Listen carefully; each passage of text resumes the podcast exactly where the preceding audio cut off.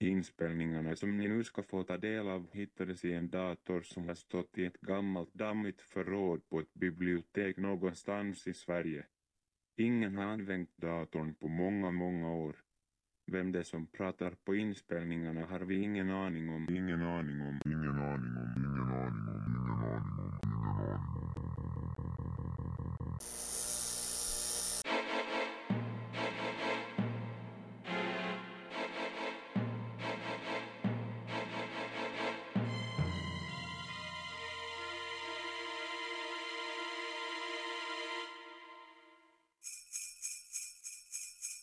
Nu är det jul igen, mina vänner. Ett år sedan sist. Ni ska bara veta hur många jular jag upplevt. Många fler än eh, någon levande människa, skulle jag tro. Jag minns till exempel hur det var före tomtens tid, då istället julbocken kom på besök. Det var tider det. Bocken var ju inte lika löjligt snäll och gullig som tomten. Barnen kunde aldrig riktigt vara säkra på att få klappar det sades att om man misskötte sig under året kunde bocken istället komma för att stånga dig riktigt ordentligt.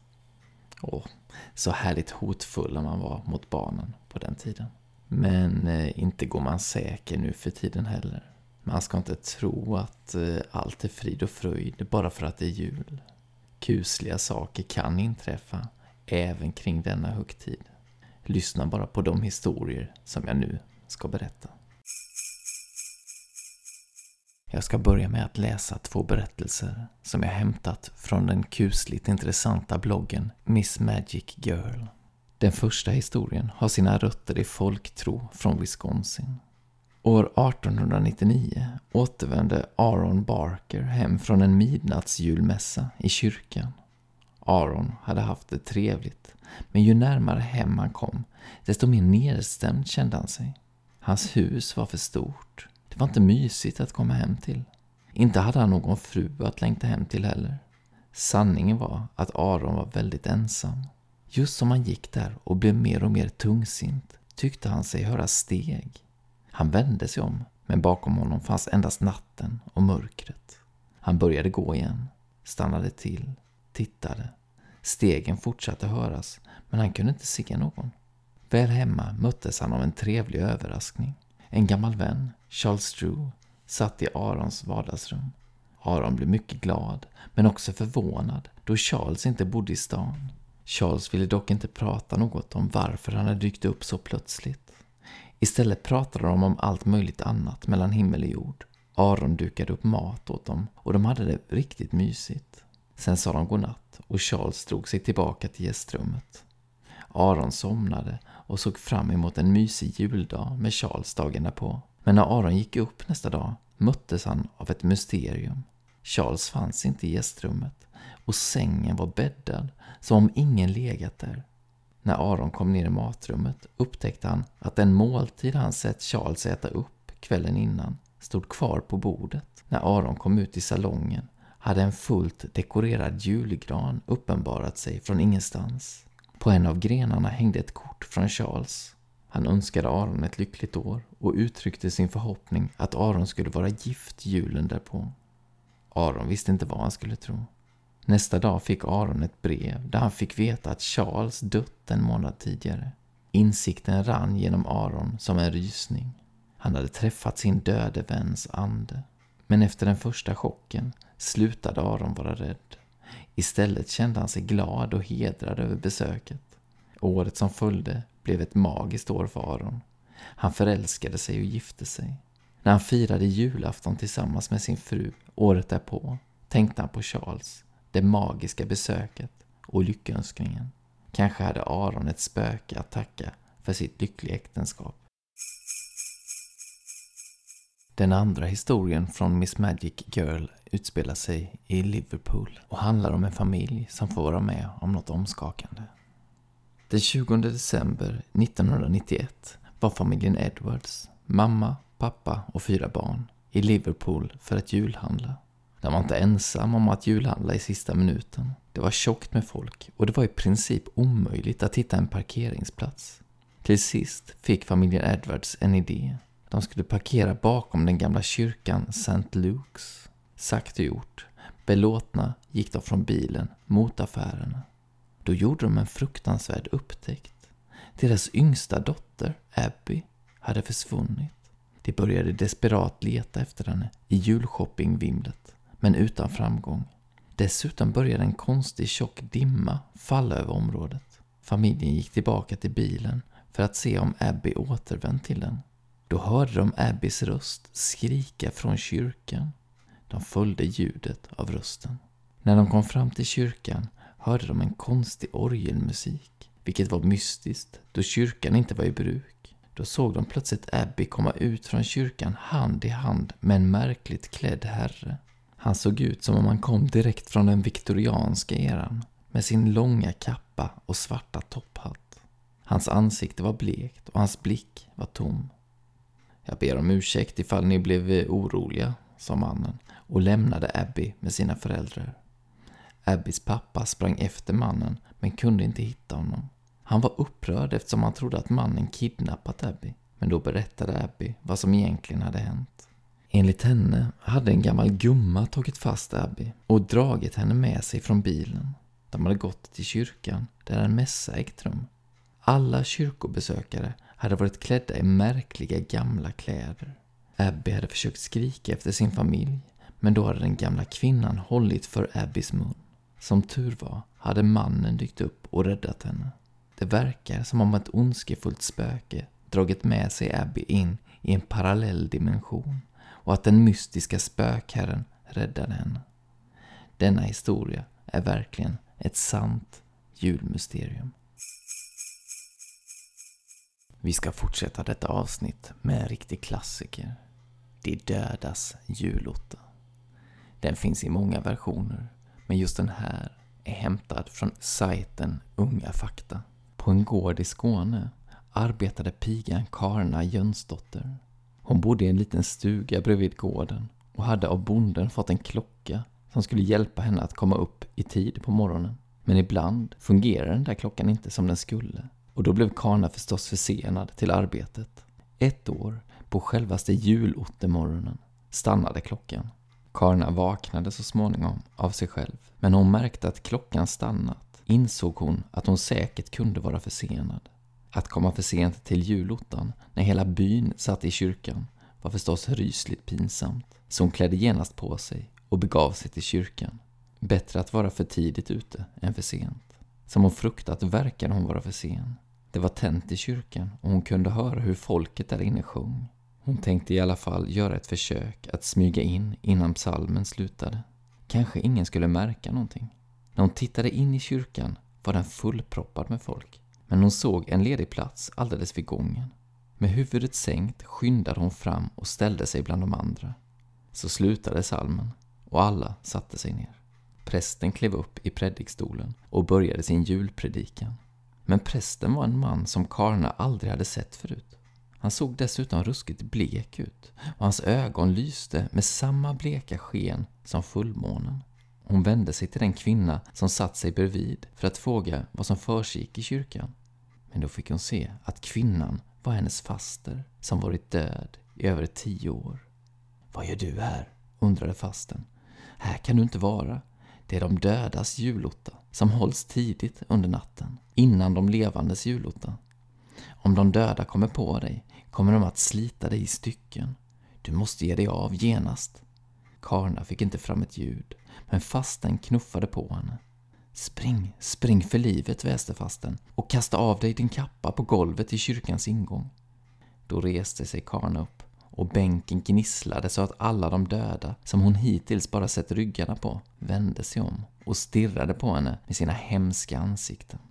Karna vände om och rusade mot ingången och hon kunde höra hur alla de döda reste sig upp och kom springande efter henne på klapprande torra benknotor.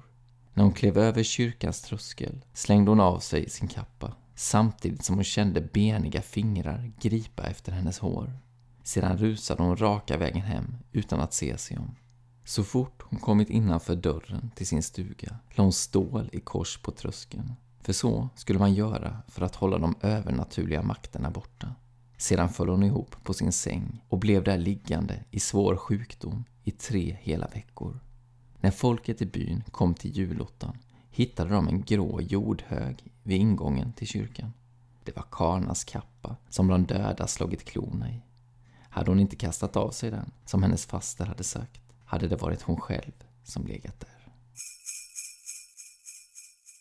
Jag ska avsluta med att läsa en berättelse av Abigail Wheatley. Den heter Den snövita katten och finns att hitta i boken Illustrerade spökhistorier. Det var sista dagen före jullovet. I den lilla byskolan i utkanten av skogen hade alla griffeltavlor torkats av och lagts ner i skolbänkarna och det låg en känsla av förväntan i luften när eleverna sa adjö till läraren och skyndade hem mot en underbar skolfri vecka. Vintersolen stod redan lågt på himlen och glödde som koppar mot den virvlande snön. Skolläraren stod i dörren och såg ut över det flacka landskapet. Han kikade oroligt in i det tätade mörkret i skogen och lyssnade på den tjutande vinden. Var försiktiga pojkar, varnade han de två sista eleverna som gav sig iväg. Den här snön är förrädisk. Det blir mörkt snart och det är ingen måne ikväll. Det är bäst att ni lånar min lykta, ni som ska gå över fälten och genom skogen. Jag klarar mig fint utan den, uppe på stora vägen.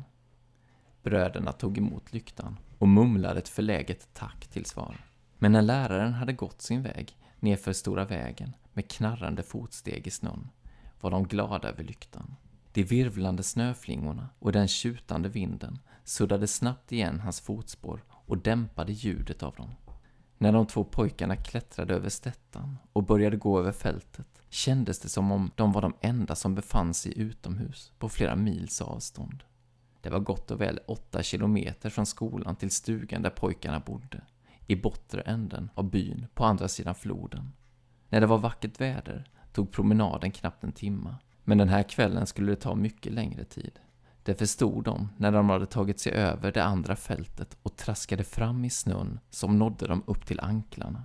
Snön var tyngre och blötare nu och pojkarnas stövlar var redan genomsura. Snön hade lagt sig i en driva framför grinden så de hade svårt för att öppna den. Efter mycket pustande och stånkande klättrade de över den istället. De satt kvar en stund högst upp på den för att hämta andan. När de satt där kom en häftig vindstöt som fick snön att yra kring deras huvuden. Hastigt hoppade de ner från grinden, men Tom, den äldre brodern, landade med ett skrik av smärta och tappade nästan lyktan. Jag tror att jag har stukat foten, Ted, flämtade han. Ted såg ängsligt på sin bror. Tom försökte ställa sig upp, men ryckte till av smärtan. Han lutade sig tungt mot grinden och tog av sig sin yllehalsduk. Sedan lindade han den hårt runt vristen. Sådär, sa han och blinkade åt sin lillebror. Så gott som ny. Men han haltade ändå rejält när de fortsatte in i skogen. Träden gav pojkarna lite skydd mot vinden, men snön hade samlats i drivor på stigen. På somliga ställen gick snön upp till knäna på dem. Även om Tom inte klagade kunde Ted se hur ont han hade. Ge mig lyktan, sa han och försökte låta modigare än han kände sig. Jag går före och trampar upp en stig åt dig genom de djupaste drivorna. Ibland är du inte så dum för att vara en lillebror, flinade Tom tacksamt. Ted fortsatte framåt och föste undan snön med fötterna så gott han kunde, men det tjänade ingenting till. Tom linkade på allt långsammare, med ansiktet förvridet av smärta. Snart var han långt efter. Ted, ropade han, det är ingen idé. Jag måste vila en stund. Han satte sig tungt på en stubbe och pustade. Sedan drog han rocken tätare omkring sig och fällde upp kragen. Oroa dig inte, sa han. Det är lä här, så jag fryser inte. Du får ta lyktan och fortsätta hemåt. Sedan får far komma hit med hästen och hämta mig. Okej då, sa Ted och hoppades att hans röst lät normal. Han kände hur det vände sig i magen av rädsla vid tanken på att behöva fortsätta genom den mörka skogen på egen hand.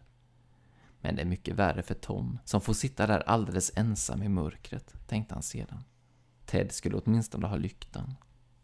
Jag lovar att skynda mig, ropade han när han gav sig iväg. Det var helt mörkt nu. Lyktan kastade ett gult sken runt Teds fötter. Men på något sätt fick det bara allt annat att verka mörkare och mer skrämmande. Han försökte låta bli att titta upp mot de mörka träden som hotfullt tornade upp sig över honom. Ted hade inte tyckt om att gå genom skogen sedan han hade hört pojkarna på skolgården prata om den för ett par månader sedan. De hade talat med låga men upprörda röster om en varelse som lurade i skuggorna bakom träden med glödande ögon som stirrade ut ur mörkret och märkliga spöklika tjut som kunde höras stormiga nätter. Ted hade skrattat åt berättelserna när han hörde dem, men ikväll kändes det som om det verkligen fanns något farligt som väntade på honom där ute i mörkret, precis bakom slöjan av virvlande snöflingor. Vinden kändes mindre hård här, men den åstadkom ett gällt jämrande när den blåste genom träden. Då och då ändrades ljudet till ett spöklikt och klagande tjut, vilket fick Ted att rysa och skynda på stegen. Stigen kändes smalare ikväll, och var och varannan meter kände han hur svarta grenar med förvridna kvistar som rörde sig i vinden sträckte ut sig mot honom och grep tag i hans rockärm. Vid ett tillfälle var han nära att tappa lyktan. Hans hand darrade när han försökte skaka av sig känslan av att något i skogen försökte släcka lyktan och hindra honom från att ta sig fram. Ted tyckte att han hade pulsat genom snön i evigheter när avtagsvägen till den lilla bron kom inom synhåll. Det blev lite glesare mellan träden här och han kunde följa stigen som gick längs floden. Ted skyndade fram, med hjärtat dunkande av lättnad över att ha lämnat trädens stora skuggor bakom sig. Nu när han hade kommit ut ur skogen kände han sig säker igen. Men vinden var dubbelt så stark och Ted vacklade till varenda gång en vindstöt fångade honom.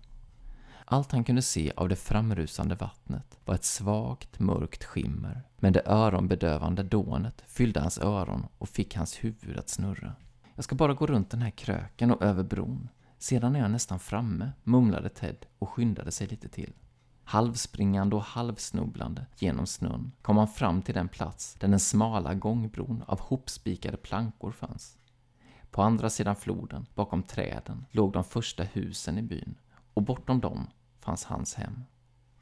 Ted skyndade sig fram till bron, men när han skulle gå över hejdade han sig för ett ögonblick. Han höll upp lyktan och såg att plankorna var täckta av ett lager snö. Det var inte så djupt, men det var tillräckligt för att göra det svårt att se var man satte fötterna. Och dessutom blev plankorna hala. Det blåste ännu mer nu, och vindens tjut blandades med bruset från floden. Bron gungade till. Ted kände ett styng av rädsla. Tänk om han halkade och föll från bron, rakt ner i det iskalla vattnet. Han skulle inte ha en chans att klara sig i mörkret, nu när vattnet stod så högt. Och även om någon skulle höra hans rop på hjälp, skulle han svepas bort av floden innan någon hann fram för att hjälpa honom. Bron gungade till igen och plankorna knakade oroväckande. Ted kämpade emot den stigande panikkänslan och försökte tänka klart. Han var så nära byn att det verkade dumt att inte ta vägen över bron. Det fanns en annan bro borta vid Stora vägen, men det skulle ta honom ytterligare minst en halvtimme att komma dit. Och under tiden skulle Tom sitta och frysa i skogen. Ted bestämde sig. Han var tvungen att ta sig hem så fort han kunde. Han skulle chansa på de hala plankorna, trots risken att falla i vattnet. Men i samma stund som han skulle ta det första steget tvärstannade han. I mörkret på andra sidan bron syntes två runda ljuspunkter lysa med grönt sken. Ted kände hur nackhåren reste sig på honom. Hans hjärta bultade hårt i bröstkorgen när han insåg att det var ögon. Två stora och lysande gröna ögon som stirrade rakt på honom. Ted mindes plötsligt alla historier han hade hört på skolgården och släppte ut ett skrik av fasa. Men han kunde varken lyfta sina fötter eller titta bort. Han bara stod där, fastnaglad av skräck, medan ögonen kom allt närmare, ända tills de var vid randen av lyktans sken. Ted samlade mod och gjorde sig beredd. På vad då? Ett ilsket rytande kanske? Klor som blixtsnabbt slet honom i stycken? Ett snabbt och dödligt hugg? Och sedan trippade en liten vit katt ut på nätta tassar i ljuset. Den såg upp på Ted med sina lysande gröna ögon och la sedan en späd tass på hans stöveltå på ett vänligt och frågande sätt. Ted skrattade högt av lättnad. Det är bara en katt, ropade han. Vad gör du här ute, lille katt? Ted böjde sig ner för att klappa katten. Dess mjuka vita päls kändes varm och torr, trots att snön yrde runt den. Han kunde känna katten spinna när den försiktigt gned sig mot honom. Ted kände sig genast mycket bättre till mods. Det var trevligt att träffa dig lilla katt, men nu måste jag fortsätta. Han rätade på ryggen och började gå framåt mot bron igen. Genast slutade katten spinna. Den backade mot bron och stirrade på honom. Schas! Ropade Ted. Ur vägen! Men katten vägrade flytta på sig. Den sköt rygg och stack svansen rakt upp i luften och stirrade argsint på honom med sina lysande gröna ögon. Ted tog ytterligare ett steg framåt. Då började katten väsa och resa ragg. Ted tyckte att han såg små gnistor flyga från dess kropp. Eller var det bara skenet från lyktan och den fallande snön som spelade honom ett spratt?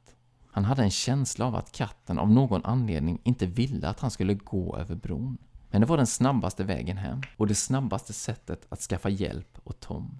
Han måste gå över och ju förr desto bättre. Just då gav vinden till ett särskilt hemskt ylande och snöfallet verkade värre än någonsin med blöta flingor som fyllde Teds öron och ögon. Bron knarrade ljudligt. Katten kom närmare och den såg inte den minsta vänlig ut längre.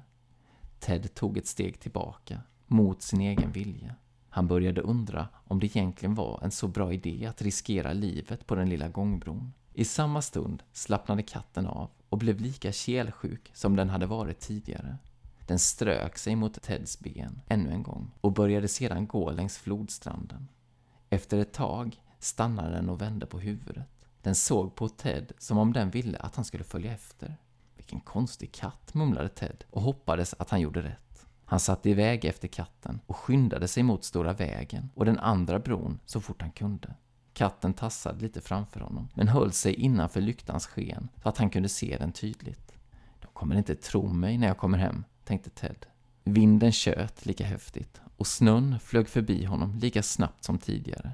Men sikten var bättre här och på något sätt kände Ted sig både varmare och gladare, trots den längre vägen. Han hade gått i 20 minuter när han fick syn på en liten stuga vid avtagsvägen till bron. När katten gick förbi grinden såg den på honom, gav till ett litet jamande och vände sig om och sprang snabbt upp för trädgårdsgången. Det måste vara där den bor, tänkte Ted och sedan greps han återigen av panik. Flera bleka ljuscirklar kom guppande upp och ner i mörkret mellan träden. De verkade sväva över marken och de var på väg emot honom i hög hastighet. Ted svalde och kände sig väldigt ensam utan katten vid sin sida. Han vände sig om för att fly. I samma stund hörde han en välbekant röst. Ted, är det du? ropade den. Ted såg sin far kliva fram ur mörkret, omgiven av andra män med lyktor. Vad är Tom? frågade han oroligt. Tack gode gud för att du var klok nog att gå den långa vägen hem. Gångbron gav vika och spolades bort för en kvart sedan. Gamle Mr Reeves såg det hända. Den klarade inte den hårda vinden och det höga vattnet. Ted såg på sin far och svalde. Katten, mumlade han förvånat. Det var därför den inte ville att jag skulle gå över. Vilken katt? sa hans far. Vad menar du? Du måste genast åka och hämta Tom, sa Ted snabbt och förklarade var han hade lämnat sin bror. Hans far skyndade iväg för att hämta häst och vagn, medan Ted snubblade efter honom i sin egen takt, med huvudet fullt av obesvarade frågor. Nästa dag, när Tom var hemma igen och tryggt satt framför brasan med sin stukade fot omlindad med ett stort bandage, bestämde sig Ted för att besöka stugan vid bron för att höra hur det hade gått för den vita katten. Kom in, strålade den gamla damen som bodde där. Du ska få en mugg varm choklad. Medan hon stökade runt i köket fortsatte hon att prata. Ja, det stämmer att jag hade en vit katt, men det måste ha varit för minst 40 år sedan nu. Hon var väldigt liten och nätt. Hon hade vackra gröna ögon. Jag kallade henne Snövit, fast det var kanske lite olyckligt med tanke på vad som hände sen. Hon var ute en natt när en hemsk snöstorm blåste upp. Ungefär som häromkvällen faktiskt. Jag såg henne aldrig igen, stackarn. Hon måste ha gått vilse och frusit ihjäl. Den gamla damen suckade djupt. Och vet du vad? fortsatte hon sedan eftertänksamt. Det märkliga är att jag ibland tycker att jag hör katten jama utanför huset. Men när jag öppnar dörren är det ingen där.